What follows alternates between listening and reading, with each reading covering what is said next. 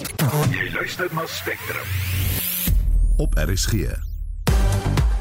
Goeiemiddag. In vandag se program ons plaas BRICS se gedaanteverwisseling onder die vergrootglas.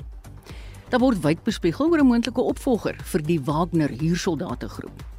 En die Kerskoor tradisie in die Kaap in 'n fliek uitgebeeld. Ons is in 1940 gestig en daai tyd het ons begin met 'n klein groepie orkes, maar heidaglik het die orkes so gegroei dat ons staan op 90 sterk.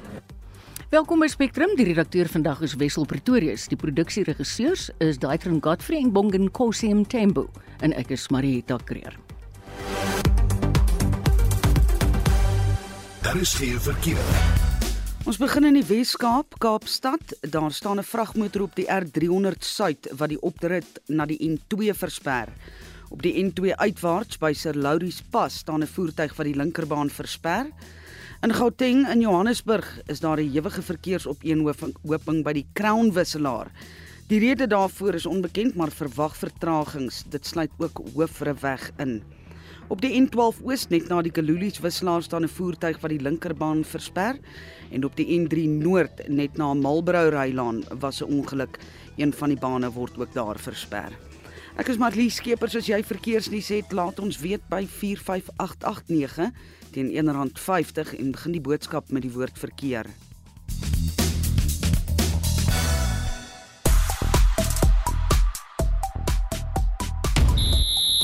Die Springbokke en All Blacks beoog om 'n sielkundige oorhand in vanaand se opwarmingswedstryd te kry.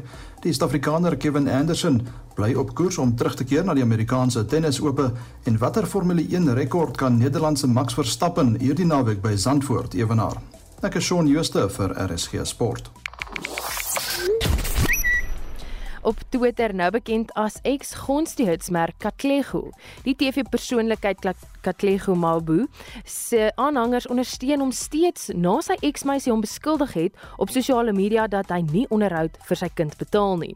Die hitsmerk Zim Decides 2023 is ook gewild na die algemene verkiesing nog nie afgehandel is nie. Op Facebook het FIFA 'n ondersoek in geopen na die Spaanse sokkerbaas se ongevraagde soen. Hy gaan glo bedank na hierdie skandaal. Op Instagram berig die media dat die boslui spesies Lone Star 'n molekuule kan versprei wat jou allergie gee teenoor rooi vleis. Hou ook ons sosiale media platforms dop, Instagram en Facebook om interessant interessante brokkies te sien. Aan Menay wil jy nou vir my sê die soen is nou 'n probleem. Ja, dit is. nee, dis anders. Terug by ons luisteraars. Dies wat gereeld RSG luister sou Woensdag gehoor het in ons mediese program. Is daar breedvoerig gepraat oor 'n middel Ozempic wat 'n baie belangrike middel teen diabetes is en toevallig is een van die dinge wat gebeur as jy hom neem, jy verloor gewig. Nou is daar glanspersoonlikhede soos die miljardêr Elon Musk wat dit juis met groot sukses vir daai rede gebruik. En nou is die dilemma. Dit is so gewild. Daar is nou 'n tekort aan die en soortgelyke middels. En eintlik is dit vir diabetes gemaak. Ons luisteraars vraag vir jou, sal jy tot uiterste gaan om jou gewig te verloor? Vertel ons gerig 'n storie oor jou gewig en hoe jy dit verloor het. Ons wil baie graag weet, want ons het geweldige reaksie gekry na die program. Stuur gerus 'n SMS na 45889. Dit elke boodskap kos R50. Spectrum, jou middagnuusprogram op RSG. Welkom terug by ons, dis 7 minute oor 12. Die kriteria waarvolgens die 6 nuwe lande by die BRICS-groepering ingesluit word, is nog nie bekend nie. Die 6 lande is Saudi-Arabië, die Verenigde Arabiese Emirate, Iran, Egipte, Ethiopië en Argentinië. Ons praat nou met die hoof van internasionale betrekkinge by Solidariteit, Jaco Kleinhans, oor wat hulle na die BRICS-tafel toe kan bring. Goeiemôre, Jaco. Goeiemiddag Marita. Saudi-Arabië, die Verenigde Arabiese Emirate en Iran ken ons nou al drie as olieryke lande. Dink jy dis hoekom hulle ingesluit is?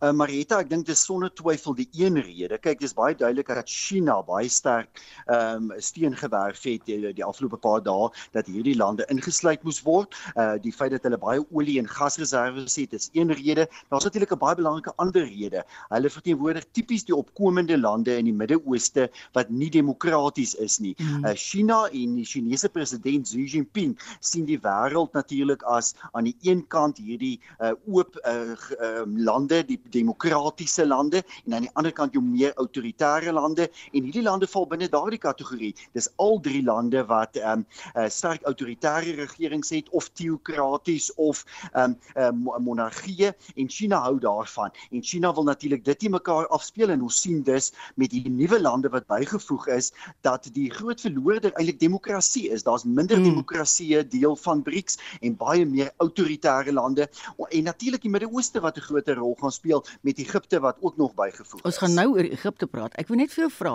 ek het 'n wenkbrau gelig gister oor Iran se inskakeling. Dink jy die moontlikheid dat Rusland druk uitgeoefen het op die huidige lede om Iran in te sluit is 'n moontlikheid juis vanweë hulle Iran verrykingsprogram? Uh, sonder twyfel so. Kyk, uh, Marita, dis nie net jou wenkbroue wat gelig het nie in in Washington DC en in Brussel en het dit ook gebeur. Ek kan vir jou sê die Amerikaners en die Europeërs was baie bekommerd daaroor oor die moontlikheid dat Iran ingesluit kan word. En dis nie net die westerlinge wat dit opgehou het nie. In die Midde-Ooste het 'n land soos Turkye dit byvoorbeeld ook dopgehou. Turkye, 'n baie belangrike land in die Midde-Ooste en in Wes-Asië, 'n land wat homself dikwels teenoor Iran en teenoor Saudi-Arabië Arabië posisioneer die mees geïndustrialiseerde land in daardie streek um, en die Turke hou nie daarvan nie. Dis hoekom ons natuurlik ook gesien het by hierdie BRICS-beraad dat Turkye nie regtig teenwoordig was nie. Hulle het nie eens hulle minister van buitelandse sake ja. gestuur nie. So ons sien 'n stukkie Midde-Oosterse politiek ook hier afspeel, ook daardie magspolitiek tussen jou groot rolspelers in die Midde-Ooste en Turkye wat homself daardeur eintlik deur sy beperkte uh, teenwoordigheid by die BRICS-beraad homself eintlik sterker by die by die Weste skaar, maar die feit dat Iran besig is met 'n kernprogram dat hy moontlik kernwapens kan vervaardig. Dit is belangrik. Onthou Saudi-Arabië wil dieselfde doen. Daar's ook samesprekings tussen Saudi-Arabië en China vir die bou van 'n kernkragaanleg in Saudi-Arabië deur 'n Chinese maatskappy. So, die hele rol van kernkrag, kernenergie en selfs kernwapens speel 'n rol in Rusland natuurlik wat saam met China daarom druk geplaas het dat Iran ingesluit moet word. Jaco, jy het net nou verwys na Egipte. Hoe belangrik dink jy is die ligging van daai land? Baie baie belangrik Ek Marita, dit is natuurlik ehm um, geografies 'n land wat oor uh eintlik oor die afgelope uh, eeue 'n belangrike rol gespeel het. Jy weet, mense kan teruggaan na elke oorlog, groot oorlog in die wêreld en uh natuurlik al hierdie stryd oor tye ehm um, uh vanuit die Ottomaanse Ryk toe in die Eerste Wêreldoorlog en in die Tweede Wêreldoorlog, ehm um, Israel se opkoms en elke keer het Egipte 'n belangrike rol gespeel. Egipte is 'n belangrike land ehm um, uh natuurlik in die noorde van Afrika maar dit is eintlik waar waar sy Afrika identiteit ophou nie. Hy's op die Afrika kontinent, maar dis 'n land wat wat 'n ander soort van identiteit het ja. as 'n Arabiese land wat 'n baie belangrike rol binne Midde-Oosterse politiek speel, maar ook afgelope paar dekades 'n noue bondgenoot van die Weste was. So Egipte staan baie naby aan Amerika, baie naby aan Europese lande, polities maar veral ekonomies en dis 'n interessante insluiting mm. uh Egipte, uh bietjie soos Indië. Indië is natuurlik 'n land wat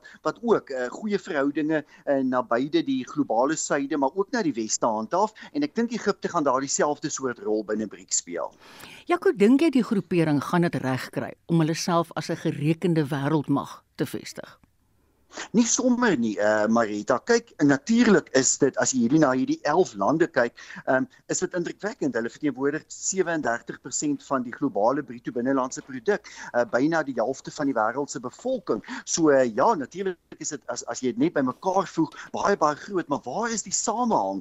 Is daar um enkele eienskappe wat hierdie lande saambind? As jy na die G7 kyk, is dit baie maklik, né? Dit is absoluut liberale vrye mark demokrasie. Mm. Dit die G7 lande word daarmee saamgebind. Hierdie lande het baie min samehang. Dis selfs by hierdie BRICS-beraad. Uh, ek dink hulle was eintlik arm aan samehang.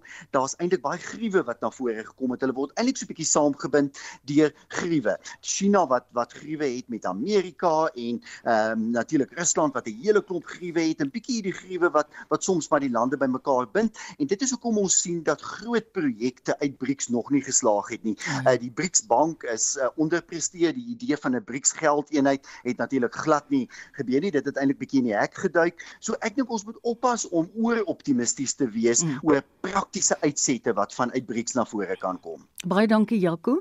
Dit was die hoof van internasionale betrekkinge by Solidariteit, Jaco Kleinhans. Die holosie het ingestap tot 13 minute oor 12. Daar word bespiegel dat die Russiese wapenhandelaar Viktor Bout 'n moontlike opvolger vir een van die magtigste huursoldate, Yevgeny Prigozhin, kan wees. Prigozhin was die leier van die Wagner huursoldate groep. Hy is dood nadat die vliegtuig waarin hy was van Desweek noord van Moskou neergestort het. Amerika het Bout in Desember verlede jaar vrygelaat in ruil vir die Amerikaanse basketbalspeler Brittney Griner wat in Rusland in die tronk was op dwelmverwante aanklagte. Ons praat nou met 'n senior opleidingskoördineerder van die Enact program by die Instituut vir Sekuriteitsstudies, Willem Els. Goeiemôre Willem. Goeiemôre Marieta. Gee vir ons 'n bietjie 'n duideliker prentjie. Wie is Victor Belt? Ja, Marieta, kyk Victor Belt is 'n voormalige uh, uh, KGB agent uh, wat natuurlik in Amerika in die tronk was as gevolg uh, van sy bedrywighede op die internasionale wapenmark waar hy uh, wapens gesmokkel het en na onder andere uh, baie lande in Afrika wat in konflik was of is uh, en ook natuurlik jou meer autoritaire lande maar ook aan uh, wapens voorsien het aan terrorisme mhm. Ag aan terroriste organisasies. En uh, behalwe dit het hy het hy lanktyd in Afrika spandeer onder andere in in Mosambiek as deel lid van die KGB met die sending hierso waar hy onder andere geleer het om uh, Xhosa en en en Zulu te praat. So hy kan nege tale praat onder andere Frans en Arabies. Hy het, het uitgebreide belange in Afrika wat hom natuurlik 'n baie ideale uh, persoon maak om natuurlik die ding verder te vat. Ek het nie hierdie ding van die tale geweet nie. Dankie dat jy dit vir ons vertel. Nou kyk, dan lei 'n mens af, hy is baie belangrik vir die Kremlin want hy het vroeër die Rusland-Afrika beraad bygewoon en hy was ook deel van die Russiese afvaardiging na Suid-Afrika. So hy is duidelik vir die Kremlin baie belangrik. Ja, ja, kyk, hy uh, hy uh, is natuurlik 'n vertroueling daarso. Hy is nie binne die die uh, sfeer van die Wagner groep uh wat uh, wat ons nou bespreek nie. So hy is hy is aan die aan die aan die uh, hy hy is, hy meer betroubaar aan die ander kant uh, van die spektrum en uh, met sy met sy uitgebreide belange, met sy ervaring uh, en natuurlik met die, uh, die met Rusland se oogmerk op uitbreiding binne Afrika is hy natuurlik vir hulle baie belangrike pion. So jy sê nie sê daar's 'n moontlikheid dat hy die nuwe leier gaan wees van Wagner nie. Daar is 'n moontlikheid. Uh kyk, hy is uh hy is natuurlik 'n uitgeslaapte kaland met baie ervaring uh, met baie kontakte binne Afrika en ons weet dat dat al die transaksies uh, van Wagner in Afrika is natuurlik gegrond op op as as besigheids uh, uh, uh besluite wat mm. geneem word en transaksies wat aangegaan word uh waar die die die uh bronne natuurlik die grondbronne natuurlik ja. getrek word. Ons sien dat veral in in in in Sirië byvoorbeeld ons weet nie in Afrika wat die persentasies nie, maar in Sirië is dit bekend dat vir die olie en gas wat hulle beskerm daarso as deel van hulle kontrak uh, met Sirië dat hulle 25% van die winste vat. So dit is 'n redelike uh, uh, interessante dinamika wat in Afrika nou ontvou. ontvou.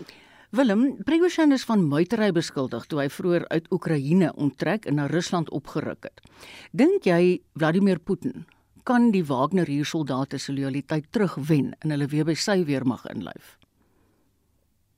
Marieta, dis 'n oop vraag. Jy weet, uh, as jy gaan kyk na Prigozhin, hy was 'n ongelooflike charismatiese leier. Uh, hy was amper amper 'n kultusfiguur binne die Wagner groep waar die troepe natuurlik uh, ontrent 'n blinde lojaliteit teenoor hom getoon het. Ons sien dit ook in die uitsprake en die dinge wat ons nou sien op die op die sosiale media nadat hy uh, uh, uh, natuurlik dood is.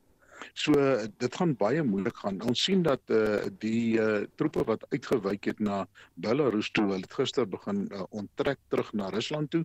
So dit gee vir ons 'n aanduiding dat uh, dat eh uh, Putin hom nou hulle nou by almal terug weer in Rusland wil hê en dat hy hulle uh, moontlik wil inlyf uh, by sy bedrywighede. Daarmee dit gaan moeilik gaan om hulle lojaliteit terug te wen. Ek moet nogal sê ek het 'n bietjie gefrons oor die tydsberekeninge en spesifiek daai vlug wat toe nou ontplof het. Ja, die tydsberekening het ons soos ons sien dis 2 maande na mm. nadat uh, hy natuurlik die muitery aangegaan het. En uh, daar is destyds al gesê dat uh, soos die Engelsman sê jy weet uh, dat uh, die machine is a dead man walking. Jy ja, weet dat ja. want uh, as ons gaan kyk, daar is so ongeveer 40 mense wat nou prominente mense wat natuurlik uitgevat is sedert die begin van die die uh, inval in Oekraïne. So dit was maar net 'n kwessie van tyd voordat mm. uh, Putin hom ook sou kry. Baie dankie Willem, jy's altyd so kundig. Dit was 'n senior opleidingskoördineerder van die ENACT program by die Instituut vir Sekuriteitsstudies, Willem Els. Argentinië onder die leierskap van die linkse president Alberto Fernandez is een van die 6 nuwe lande wat pas by die BRICS-groepering ingesluit is. Maar Argentinië is nie in 'n uh, gemaklike posisie nie want hulle is gewikkeld in 'n presidensiële kandidaatstryd en 'n nuwe president word in Oktober verkies. Javier Milei, 'n regse populis van die Avanza Libertad, is die voorloper presidensiële kandidaat. Nou vra mense jouself die vraag of kan die dinamiek van Argentinië se teenwoordigheid in die nuwe BRICS-groepering verander wanneer 'n nuwe president verkies word. Hieroor gesels ons met professor Theo Venter, 'n dosent in praktyk aan die Universiteit van Johannesburg. Hallo Theo.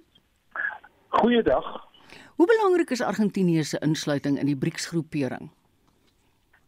Dit is uh, ons is almal op soek na die kriteria wat die BRICS-lande gebruik het om nuwe lede toe te laat en dit is nog nie duidelik nie, maar as 'n mens moet probeer dink dan is Argentinië waarskynlik uh buiten dat dit ook uit Suid-Amerika is. Ons weet dat Brasilië is Portugees sprekend, Argentinië is Spaans sprekend. So dit sal waarskynlik die grootste Spaans sprekende gedeelte wees van die BRICS groepering, maar Argentinië kom met 'n klomp probleme saam. Argentinië se inflasiekoers op die oomblik ehm um, wissel tussen 100 en 200%. Argentinië het kroniese skuldprobleme en en het al 'n paar skuld stilstande gehad en ek dink dit is presies wat aanleiding gee tot die huidige kandidaat wat jy so mooi beskryf het wat ek sommer sal noem die Argentynse Trump want hy want hy hy wil hy wil die goed doen wat uh, julle onthou nog vir Bolsonaro ja, ja. in in Brasilië wat ja, ja. baie dieselfde soort van dinge gedoen het populisties hy uh, hy het nie uh, COVID geglo nie hy het nie dit gedoen nie hy het nie dat gedoen nie hier het ons 'n soort gelyke ou en dit is interessant dat die soort mense na vore tree wanneer lande ernstige sosio-maatskaplike en ekonomiese probleme ervaar. Nou nou moet ek tot Brasilië se voordeel sê dat hulle met Suid-Afrika baie kompeterend is in terme van graan, mielies, uh soja. So dit is 'n kompeterende land. Hulle kompeteer ook goed met rugby en veral goed met sokker, maar ekonomies gaan dit nie goed in Argentinië nie. Esie de Klerk het nou die navorsing vir hierdie hele onderhoud gedoen en sy het onder meer vir my vertel en dit is ongelooflik. Hierdie Mlay is 'n voorstander van oud-president Donald Trump. Hy beskou die klimaatskrisis as 'n leuen. Hy klassifiseer seksopvoeding as 'n slenter om familiewaardes te verwoes. Daarbey ondersteun hy die wettiging van die verkoop van menslike organe. Nou jy weet mense mond hang oop. Ja, uh, uh, een van die kenmerke van Donald Trump natuurlik was sy ontwrigtende potensiaal. Nou hier sit ons weer met 'n ontwrigter wat ons ook 'n populis noem en wat eintlik doen wat mense wil hê hy moet doen want die grootste uitdaging vir Brasilië is natuurlik die skuld wat hulle het in die wêreld en een van die goed wat hy wil doen is om die reservebank uh, toe te maak en al sulke soort van dinge. Dit dit uh, dit is nie goeie toekomsmusiek vir Brasilië nie en ek dink ehm um, die redes dis hoekom ons so op soek is as analiste na die kriteria wat gebruik is vir die lande. Dit is duidelik om Saudi-Arabië te te verklaar, dis duidelik om Iran te verklaar ons ons praat van groot olie produserende lande maar Argentinië uh, groot vraagtekens. Nou die huidige president Fernandez beskou Argentinië se insluiting in BRICS as 'n groot verleentheid, juis vanweë hulle swak ekonomiese toestand. Dink jy dit sal enigsins help as die ander ou in, die posisie kom? Nee, dit gaan nie help nie. Maar ehm um, Argentinië sal waarskynlik ehm um, baie sterk wil staat maak op die BRICS um, ontwikkelingsbank wat kan help met hierdie soort van goed, maar Ehm um, die dilemma wat hier eintlik ter sprake kom is die rol wat die dollar speel as 'n geldeenheid. Ehm um, uh, Argentinië se skuld is veral dollar gedomeineer. Met ander woorde, hoe gaan jy 'n nuwe geldeenheid in die BRICS lande tot stand bring wanneer selfs die BRICS bank die meeste van hulle geld in dollar leen? Dit is uh, nog een hmm. van daai vrae wat ons uh, in in kringe laat rondhardloop. Sien daar was hierdie week heelwat anti-westerse retoriek, veral van Rusland se kant af. Is hierdie nuwe groepering bedoel as 'n teenvoeter vir die weste dink jy? Ja, ek sien daar is mense wat so dink en ek dink julle is reg as julle sê die retoriek was anti-westers, maar nou wil ek jou net terugvat na Ramaphosa se toespraakie. Hy het dit nodig geag in sy toespraak om ook na AGOA te verwys in Suid-Afrika se verbintenis aan AGOA wat 'n handelsooreenkoms met die FSA is. So hy het nie geskroom om Suid-Afrika se verbintenis ook daaraan ehm um, uh um, te verduidelik. Maar ek dink die Russe is kwaad vir Amerika vanweë die sanksies.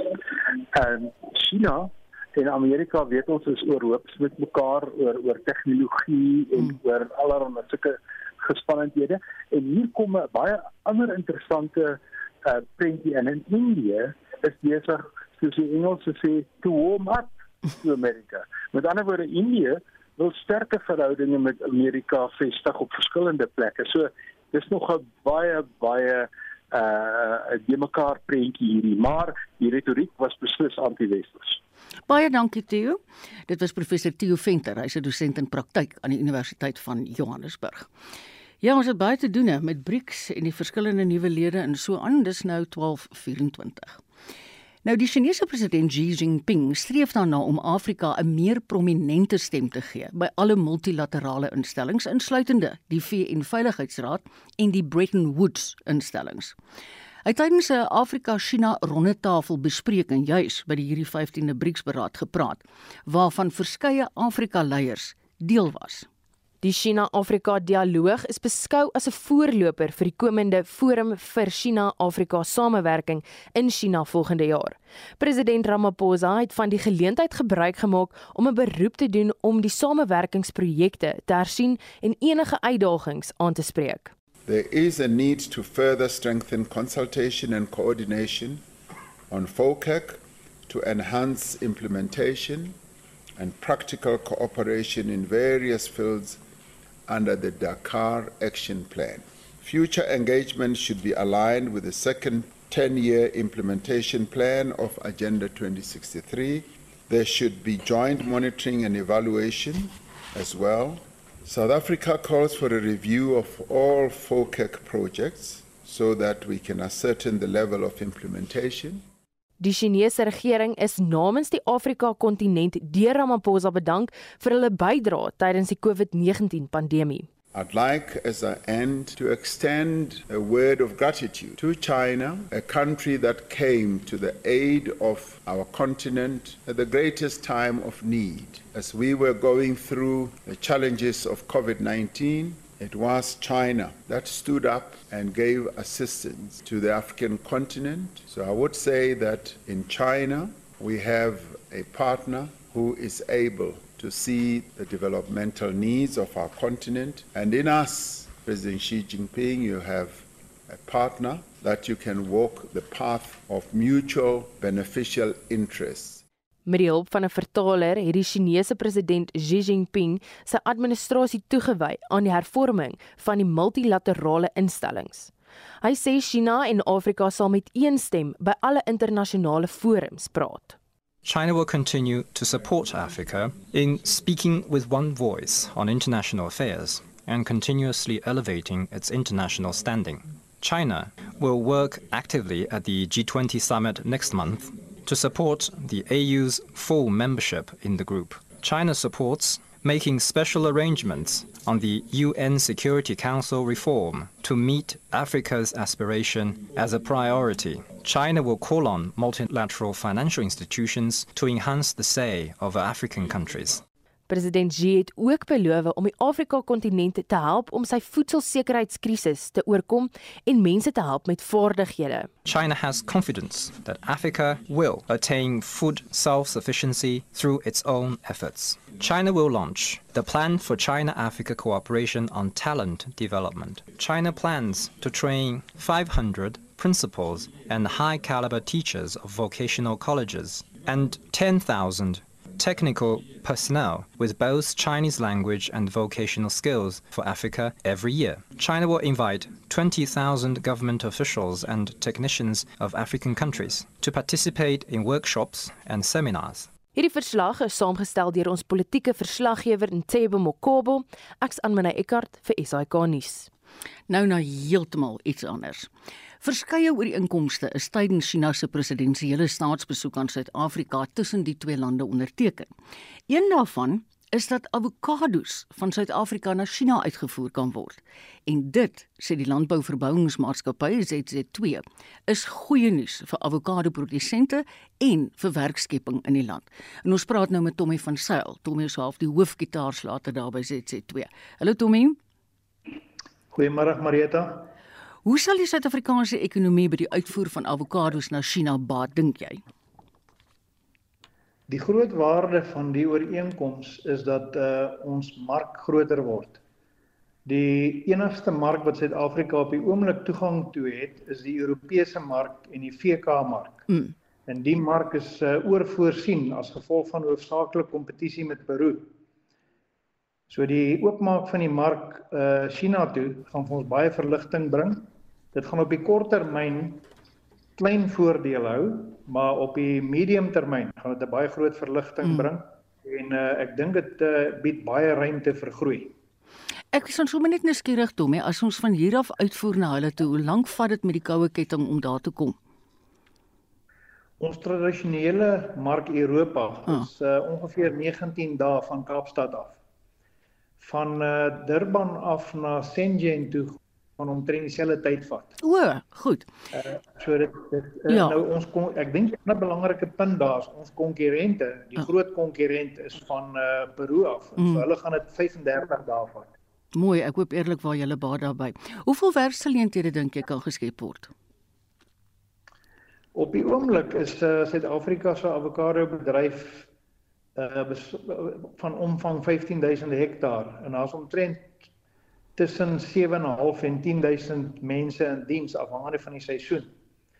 Nou met China wat oopmaak, uh kan daar 'n baie konstante groei wees van ek sou sê minstens 7% per jaar. Wow. As mens nou die ander markte wat in in lyn is, soos uh India wat uh ook uh in die uh uh, uh proses is om toegang te, te verleen. Mm bytel, dan kan dit 'n uh, dubbelsyfer groei wees. Ja. Dit kan dit kan baie groot wees as baie groter as wat ek nou sê as mens kyk wat dit met sitrus en met appels mm. en met die druiwe gebeur. Toe met die uitvoermark na China, dink jy hy kan dalk ander uitvoerroetes vir julle ontsluit? Ek dink 'n uh, kritiese massa speel altyd 'n rol uh ons kan eintlik reeds sien wat appels, druiwe, sitrus veroorsaak het. Die weg is gebaan. Nou uh, avokado's is eintlik besig om reeds in daai gebaande weë 'n plek te vind. Die die owerhede moes net uh mekaar vind met die protokols. Nou as uh, ons eers uh hierdie momentum verder gebou gekry het, is daar 'n hele reeks van produkte wat ook gaan baat vind daarbey. Ek is nie doodseker nie, maar ek dink pere is pas toegelaat ook in China. Mm. 'n uh, Ander ding wat ons baie graag wil hê moet toegang kry is 'n uh, is steenvrugte. Ja. En eintlik is, is kersies ook steenvrug. Ons sou baie graag wou hê hulle moet dit eintlik in 'n groep goedkeur. Mm. As ons byvoorbeeld vir kersies kan toegang kry uh, China toe, kan dit 'n baie beduidende invloed hê op arbeid, op op werk werkskepping, maar ook in terme van die ekonomiese waarde wat dit gaan skep. Mense praat hier van groot syfers. Ja ja ja ja. En ek weet jy's 'n ou wat groot syfers ken. Baie dankie. Ons het gepraat met Tommy van Sail van ZC2 boerdery. Spectrum, jou middagnuusprogram op RSG.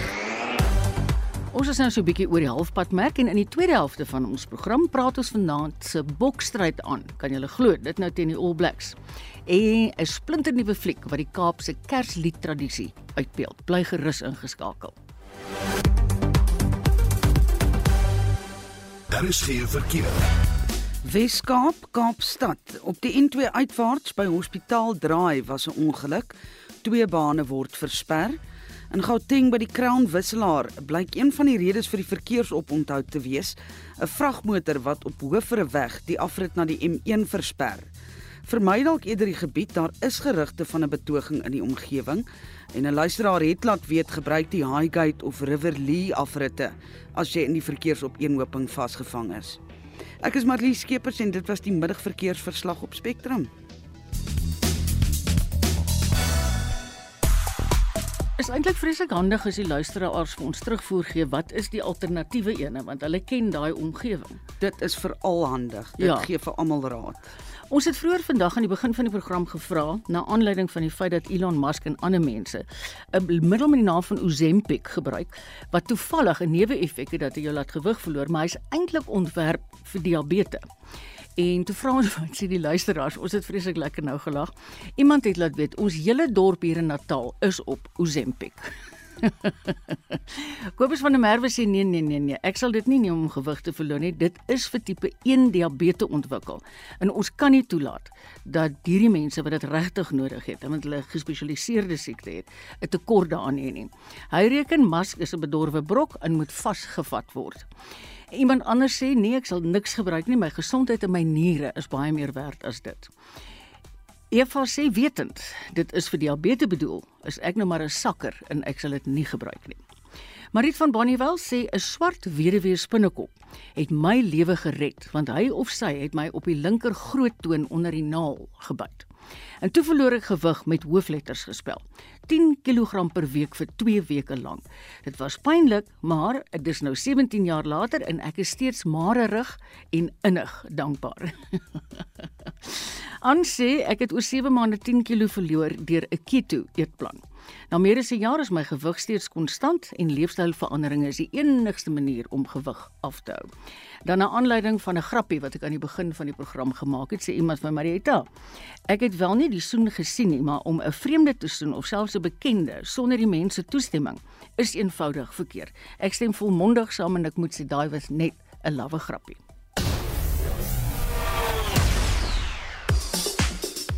Shaun Justus sluit nou by ons aan vir die sportnuus van die dag. Hallo Shaun. Middag Marietta. Ons almal weet nou die rugby wêreldbeker toernooi begin oor 2 weke in Frankryk. Nou gaan ons nou nog vanaand hierdie reuse opwarmingswedstryd sien tussen die Springbokke en die All Blacks. Wat sê jy? Ja, alhoewel dit 'n opwarmingswedstryd is, bly dit 'n kragmeting tussen twee gedigte teenstanders wat graag die oorhand wil kry. Dit sou nie net fisies nie, maar ook sielkundig. Nou Suid-Afrika en Nieu-Seeland het mekaar laas in 2015 in Engeland in die Wêreldbeker halfeindstryde gepak met die All Blacks wat 2018 geseëvier het. En afhangende van hoe die rondom taal die wedstryde verloop, kan die twee reëse mekaar dalk weer in die kwartfinale in Frankryk die stryd aan sê en die kragmeting skop dan vanaand half 9 Suid-Afrikaanse tyd op Twickenham in Londen af en die SA Vroue Premierliga eindstryd word ook die naweek tussen die Blue Bull Daisies en WP beslis. Die wedstryd begin môre middag 3uur en word op Loftus se B-veld gespeel. Ja, ek dink ons hele land sit vanaand bankvas teen 09:30. Suid-Afrika se Kevin Anderson is nog op dreef om na die Amerikaanse tennis ope terug te keer, waar hy nou laas in 2017 die eindstryd gehaal het.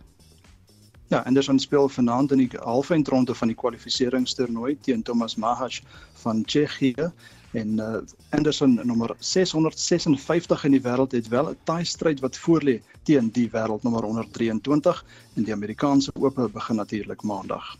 En Formule 1 maak ook 'n terugkeer hierdie naweek. Ek is ek dink dit ons het net nog gesê Zandvoort, né? Nee dit is Zandvoort ja die kampioenskap maak uh, word hierdie naweek natuurlik nou voorgesit dis by Zandvoort in Nederland dit is die 13de ronde en Red Bull is tot dusver onoorwonde in 2023 hulle het 21 van die laaste 22 Grand Prix gewen en die Red Bull renner Max Verstappen ook van Nederland poog om die rekord van 9 agtereenvolgende oorwinnings hierdie naweek in sy tuis Grand Prix te ewenaar nou die naweek se eerste oefende ronde het begin en dan Sondag se hoofwedren begin die middag 3 uur en maar dit net om af te sluit. Ek sien FIFA se jongste vroue ranglys is vanoggend bekend gemaak. Mm -hmm. Nou Banyana Banyana nadat hulle die uh, laaste 16 ronde gehaal het, klim met 9 plekke van 54ste na 45ste. Swede is die nuwe nommer 1, die wêreldkampioene Spanje is tweede en die VSA is nou derde. Wel baie geluk aan Banyana. Dankie Shaun. Ek hoop jy het 'n lekker sportnaweek. Jy luister na Spectrum elke weekmiddag tussen 12 en 1. Dis nou 20 voor 1. Die Tshwane Metro se spesiale raadsvergadering wat veronderstel was om die voortsleepende staking oor salarisse van SAMWO geaffilieerde werknemers te beëindig, het misluk. Die vergadering is verdaag weens 'n gebrek aan bywoning deur raadslede. Die Metro se veelpartytjie koalisie het nie die vergadering bygewoon nie. Estie de Klerk berig. Die onbeskermde staking wat reeds byna 'n maand gelede begin het, lei tot 'n ernstige gebrek aan water en kragtoevoer in die Tshwane Metro en vullis word ook nie verwyder nie. Inwoners in sommige dele van die metro betoog al geruime tyd oor die gebrek aan dienslewering.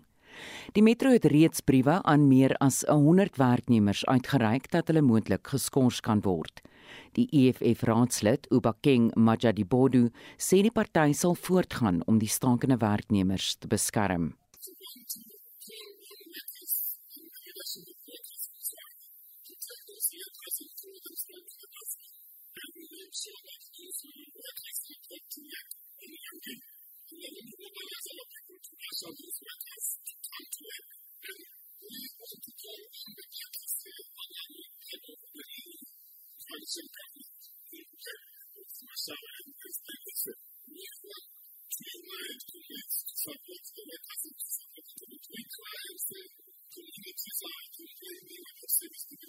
Die ANC raadslid in die Tshwane Metro, Aaron Maluleka, sê die metro behandel die stakende werknemers en die inwoners met minagting.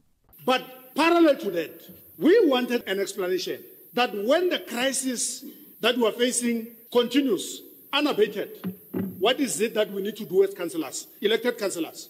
Because we can't be held at hostage by the coalition led government that prides itself to service affluent and suburban areas and live townships that our councillors that are here, they can be killed anytime.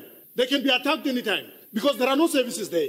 When there's an outage of 10 days, Die metro het 'n aansoek by die Suid-Afrikaanse plaaslike regeringsonderhandelingsraad ingedien om die metro vry te stel daarvan om salarisverhogings te betaal. Die veelpartytjie-koalisie se Jackie Eis sê die metro sal die voorskrifte volg van wat die onderhandelingsraad in die uitspraak bepaal. The Tshwane Multi-Party Coalition rejects the attempt to manipulate the Bargaining Council outcome. This application has now been lodged and the proceedings of the Bargaining Council are underway. A further hearing will happen on the 30th of August. The case presented by the city is based on the city's financial position.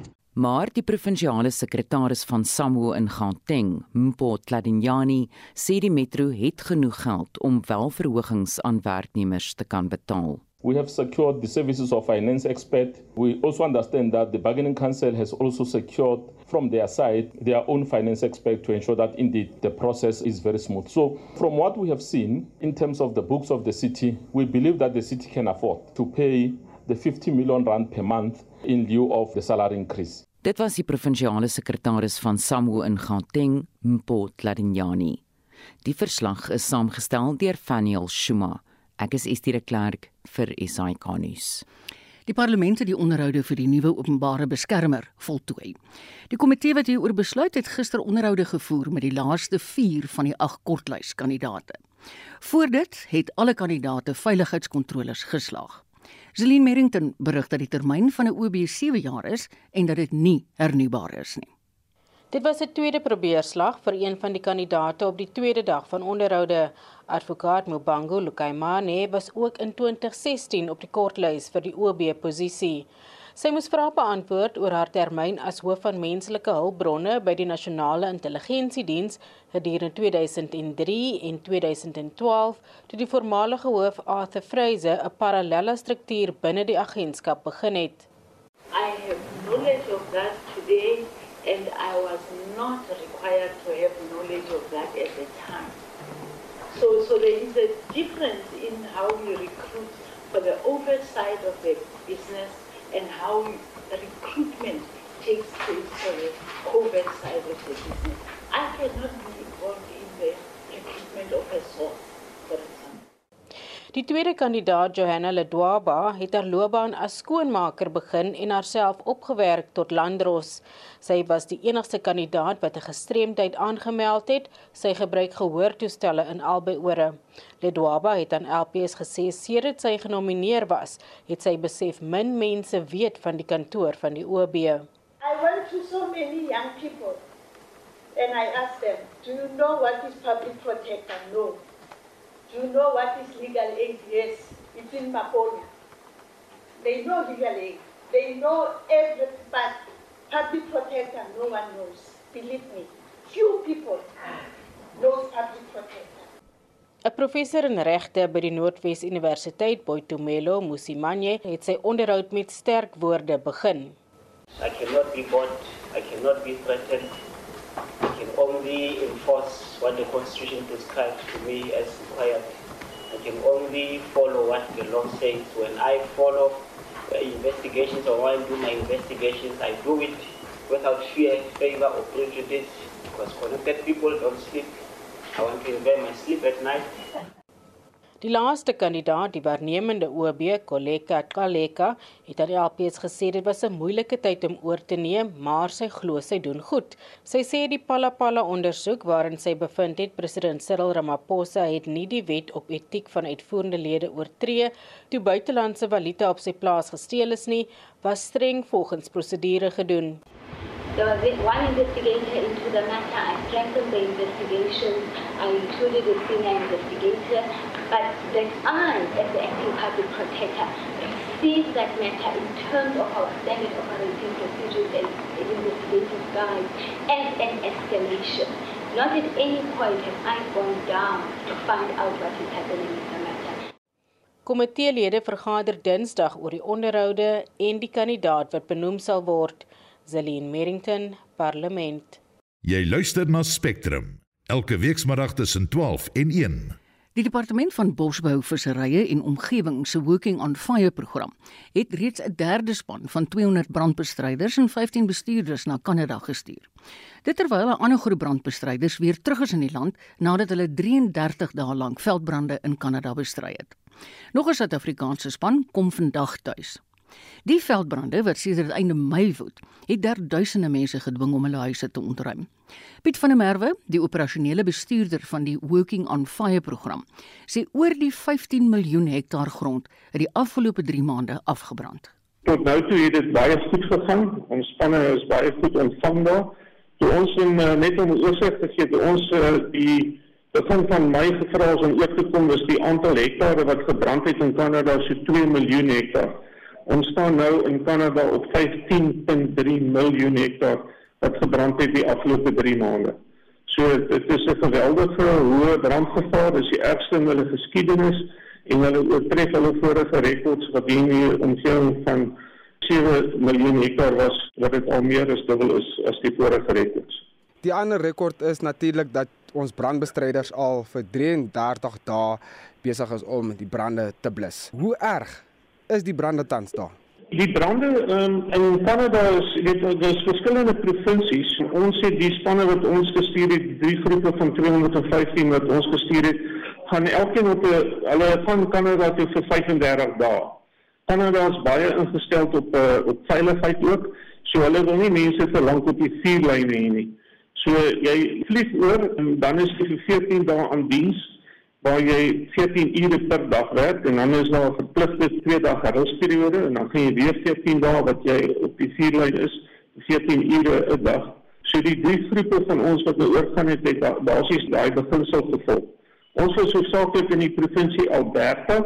Die laaste groep het gister teruggekeer het, het ook opgegaan na die noordelike provinsies, hulle noem dit die Northern Territories, waar daar geweldige baie brande is waar dorpe ontruim is word en ons is nou opgeroep die die wat môre oor gaan van British Columbia toe waar hulle op die oomblik heel wat vure het.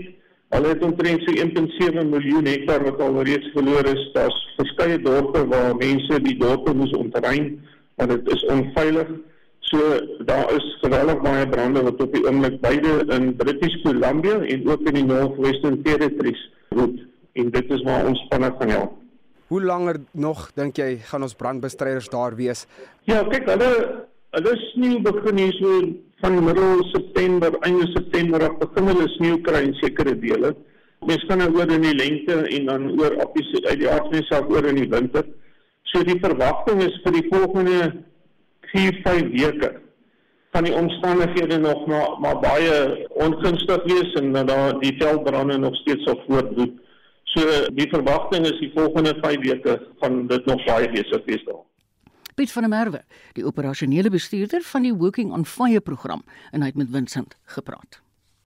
Die rolprent Old Righteous Blues handel oor die Kersfees koortradisie in die Wes-Kaap. Die huidige voorsitter van die werklike Robertson Old St Blues Orkees, Adrian Cookson, het die eerste vertoning van die fliek by die Skilwerskermfees bygewoon. Cookson is eintlik 'n polisieman van beroep en hy het aan Anne Marie Jansen van Vuren vertel hoe hy betrokke geraak het by die fliek wat deels op sy orkes gegrond is. Baie jare terug toe my my vader nog gelewe het. Ek was nog baie klein gewees toe Kerel met die hele ding begin het. So ek was baie klein gewees en uiteindelik so 4 jaar terug met hulle so kontak en gesê maar dit is nou reality. Die boek waaroor Kerel destyds geskryf het, het nou uiteindelik waar gekom en hulle gaan eintlik 'n fliek maak van dit. So dis waar hulle so kontak het en ek is toe die eintlike persoon wat nou baie excited is oor alles wat vandaan gebeur al het my vader nou al 'n hele paar jaar gelede afgestorf en waar dit alles begin het. Dit klink vir my jy was amper soos 'n tweede regisseur want jy moes vir almal touwys maak hoe dit werk. Ja, ek was die persoon gewees wat al die extras gekry het vir die film en al my bandmanne in die hande moes gekry het. Hulle moet daar wees. So dit was 'n top gewees en dit was baie stresvol geweest, maar dit was baie excited. En ek sien jy is polisieman, jy sien dalk lus om nou jou polisie keps te verruil vir akteurshoed nie. Ehm um, nee eintlik. maar vertel vir ons vir die geskiedenis hier agter want toe ek met Simon Breinders gepraat het, het hy gesê hy het gedink hierdie tipe kore het al uitgesterf, maar dit lyk my julle staan sterk.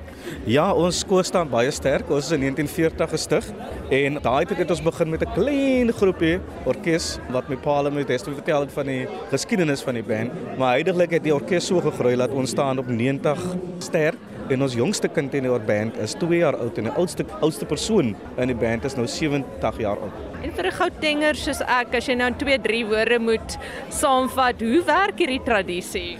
Wat die tradisie werk is ons is besig om met musiek, ons lei die jeug op in musiek en dit is iets wat ons toe besig om die jeug besig te om hulle weg te hou van al die dwelmmisbruik en daai goed. Dan ons neem jaarliks deel aan kompetisies en ons doen drill en ons doen musiek. So ons is eintlik daar om die gemeenskap te dien. En dit was Adrian Cookson, die voorsitter van die Robertson Olds and Blues Orkees. Is dit by my ingeskuif hier in die ateljee om sy hou vir ons die dag se nuus dop. En ons het vroeg in die program gesels oor die feit dat Cope se woordvoerder Dennis Bloem uit die politieke party bedank het. Hy is En Marietta, daar word berig dat Bloem vroeër vandag bedank het, maar Cope se nasionale voorsitter, Tebo Loati, sê egter Bloem se bedanking is slegs om sy verleentheid weg te steek omdat sy lot reeds bekend is. Nou volgens Loati is Bloem se lidmaatskap in die party reeds verlede week verlede naweek deur die party se nasionale komitee opgeskort. Hier is SAIK se verslaggewer met meer besonderhede, Kenny Mpanga. The party has been marred by divisions ahead of the 2024 elections. Bloom joins Willie Madisha and Zwandile Hlego in the list of persons whose memberships were terminated by the party CNC. Bloom is expected to address a media briefing on Saturday. Die parlementêre komitee wat 'n aanbeveling moet maak oor die geskikte kandidaat vir die volgende openbare beskermer, het die afgelope 2 dae onderhoude met die 8 kandidaate op die kortlys gevoer. Die voorsitter van die komitee, Cyril Kaba, sê die komitee sal vroeg aanstaande week in 'n geslote sessie oor die geskikte kandidaat beraadslaag. There's just no prospect that the committee will not emerge with a, a candidate on Tuesday next week. I promise you. That would close the day with a candidate that will submit to Parliament for approval and then and submission to the President. En die mede-voorsitter van die BRICS Infrastruktuur Werksgroep, Zotwa Mbele, sê infrastruktuurontwikkeling is van kardinale belang vir ekonomiese groei. Mbele het na afloop van die 15de BRICS-beraad gepraat wat gister in Johannesburg ten einde geloop het. Sy sê terwyl die private sektor bereid is om projekte te finansier, moet meer gedoen word om projekte volhoubaar te maak. infrastructure is very critical to catalyze the economic development. And the way we looked at it, it was not only from the South Africa lens, we also were looking at it from the regional integration point of view. As we know that if you develop, you know, one country, it also makes sense that other countries must develop. And taking into consideration that there is Africa continental free trade that needs to be operationalized. What we do still lack is to push the projects into the pipeline such that they are bankable. And I think that is a challenge that is faced by South Africa, but also by the continent. En dit was die mede-voorsitter van die BRICS Infrastruktuur Werksgroep Zotwa Mbele. Skakel ook in vir brandpunt vanmiddag om kwart voor 6. Dankie Estie, nou kan ons tog weet wat aangaan. Ons het vroeër gevra in verband met die gewigsverlies wenke. Sies tog en toe laat Hendrik my weet, hy sê man, ek het relatief in 'n kort tyd ons meer as 200 kg gewig verloor. My vrou het my verlaat. Ek is vreeslik jammer Hendrik want dit was duidelik vir jou baie traumaties. Dankie vir almal wat deelgeneem het vanmiddag en geantwoord het. Hoe maak hulle? En ek is seker ek gaan die volgende sê met die seun van Daitron Godfrey ons hoofproduksieregisseur. Maar ons het 'n kandidaat regisseur op die oomblik hier, so Bongen Kosi Mtembu wat 'n groot deel van hierdie uitsending hanteer het. Ek dink jy het dit baie goed gedoen. Dankie Bongie. Ek groet namens Nicoline de Wee Sy is ons heeltemal uitvoerende regisseur. Vandag se redakteur is Wessel Pretoria, soos ek nou gesê het. Ons het twee produksieregisseurs en almal wat deelgeneem het. Geniet die middag saam met 360. Ons praat weer 3 uur in Spitstyd.